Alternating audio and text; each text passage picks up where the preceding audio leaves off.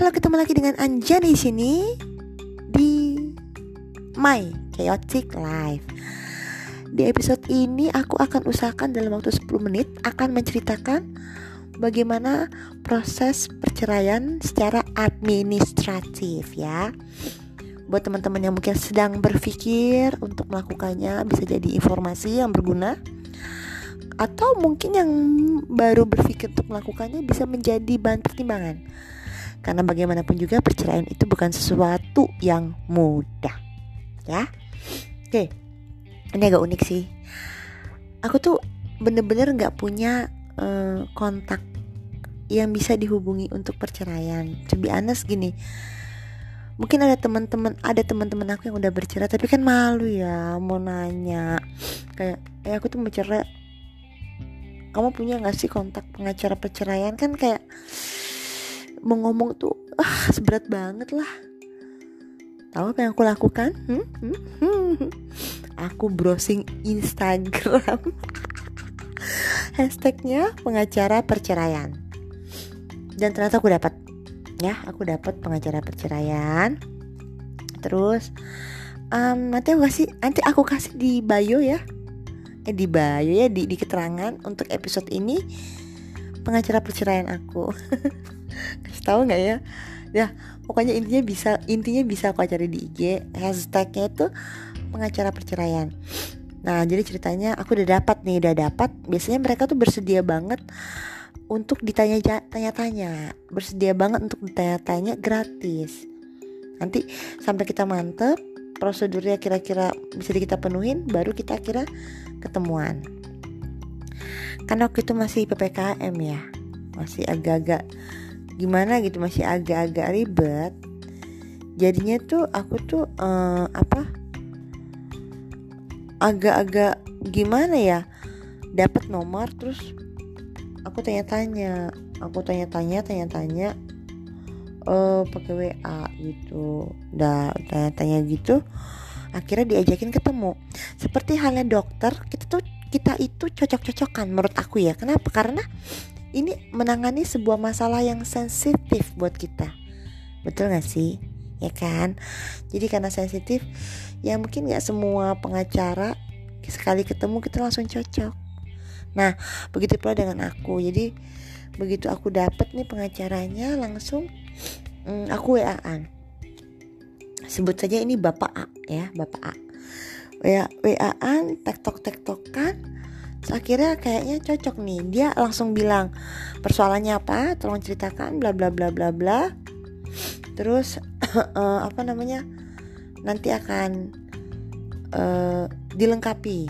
Berkasnya ini yang harus dilengkapi. Wah ada semua nih berkasnya ibaratnya gitu kan. Boleh deh. Ya udah ketemu di kantor saya. Ini dia nih yang aku bilang cocok-cocokan. Aku tuh agak-agak deg-degan ke sananya ya maksudnya ke gedung kantor pengacara perceraian apa rasanya ya? Aku tuh nggak kebayangkan gitu. Akhirnya aku ajak salah satu sahabat aku ya. Salah satu sahabat aku uh, sebut saja namanya uh, Jihan. Yang kemarin Janet sekarang Jihan. Nah si Jihan ini tuh mau aja nemenin gitu kan. Kenapa nggak ajak Janet? Karena Janet Janet itu jauh rumah tinggalnya tempat dia bekerja jauh. Nah kalau Jihan ini dekat jadi aku pikir udah minta temenin Jihan. Oh nggak teman-teman? Waktu mau berangkat tuh aku masih biasa aja. Begitu turun dari taksi turun dari taksi kaki aku tuh kayak nggak napak tau gak sih rasanya? Kira bingung ke sana kemari nyari ruangan. Kan kayak ruko gitu kan. Aku kalau ingat itu ya teman aku tuh si Jihan tuh cerita aduh waktu itu loh Anjani gue tuh ngeliat tuh kayak orang linglung kayak orang bingung ke sana kemari nggak jelas mau mau ke mana gitu loh. Sebenarnya aku tuh nggak napak rasanya. Begitu ketemu ngebahas ina inu ina ini langsung tanda tangan e, perjanjian bahwa akan diproses perceraiannya melalui si bapak A ini aku belum mau tanda tangan. Terus si Jihan ini bantu ngomong biar omongan aku tuh terstruktur karena aku kayak orang panik gitu. Begitu pulang aku merasa nggak serak. Akhirnya aku browsing lagi G. Bertemulah ibu B. Nah ibu B ini perempuan usianya mungkin lebih muda dari aku. Bukan mungkin ya iya. Sekitar 10 tahun lebih muda. Tapi entah kenapa aku tuh kayak klop gitu loh. Mungkin kayak ada gairah feminis di dalam tubuh ibu itu jadi aku kayak cocok nih gitu. Bla bla bla bla sama lah ya chattingnya itu sama lah. Di WA apa aja berkas yang harus dilengkapin tapi aku merasa koneksi gitu sama dia ada connected gitu.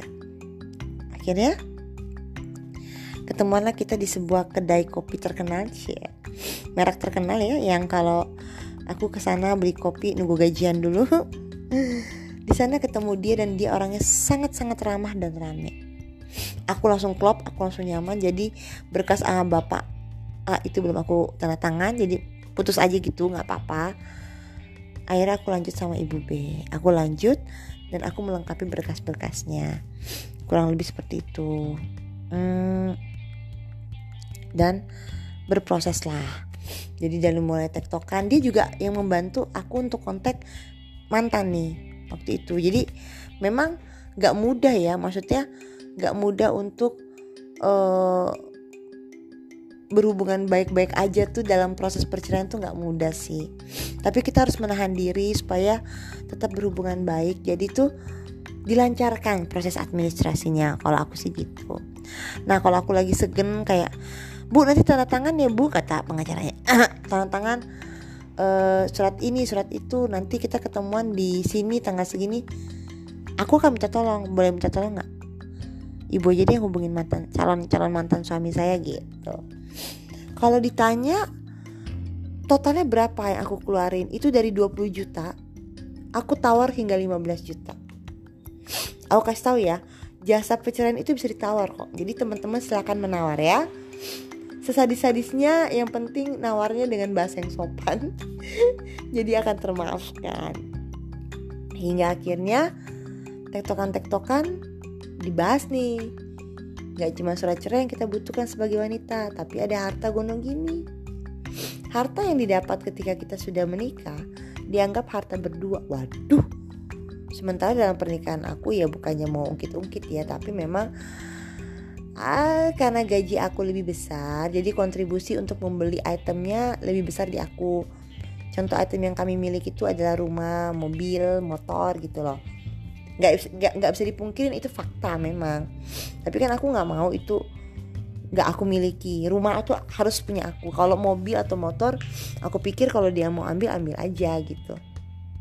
Jadinya ditambah dengan surat pernyataan atau akta notaris mengenai harta.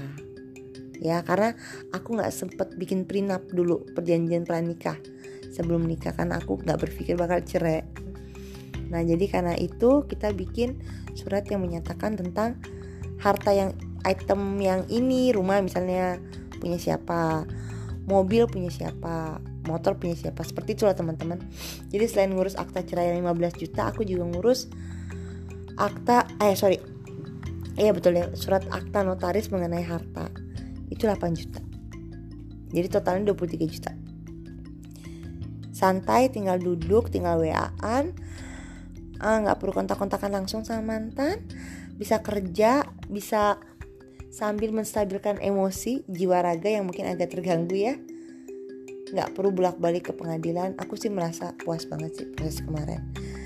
Nah setelah itu semuanya lengkap. Apa yang terjadi berikutnya? Aku akan cerita nanti di episode berikut-berikutnya ya, karena e, kejadian di ruang sidang segala macam ini seru untuk diceritain.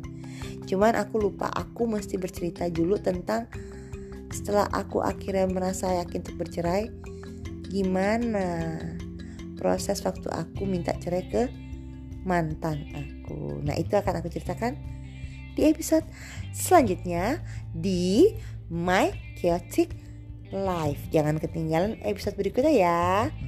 Dah.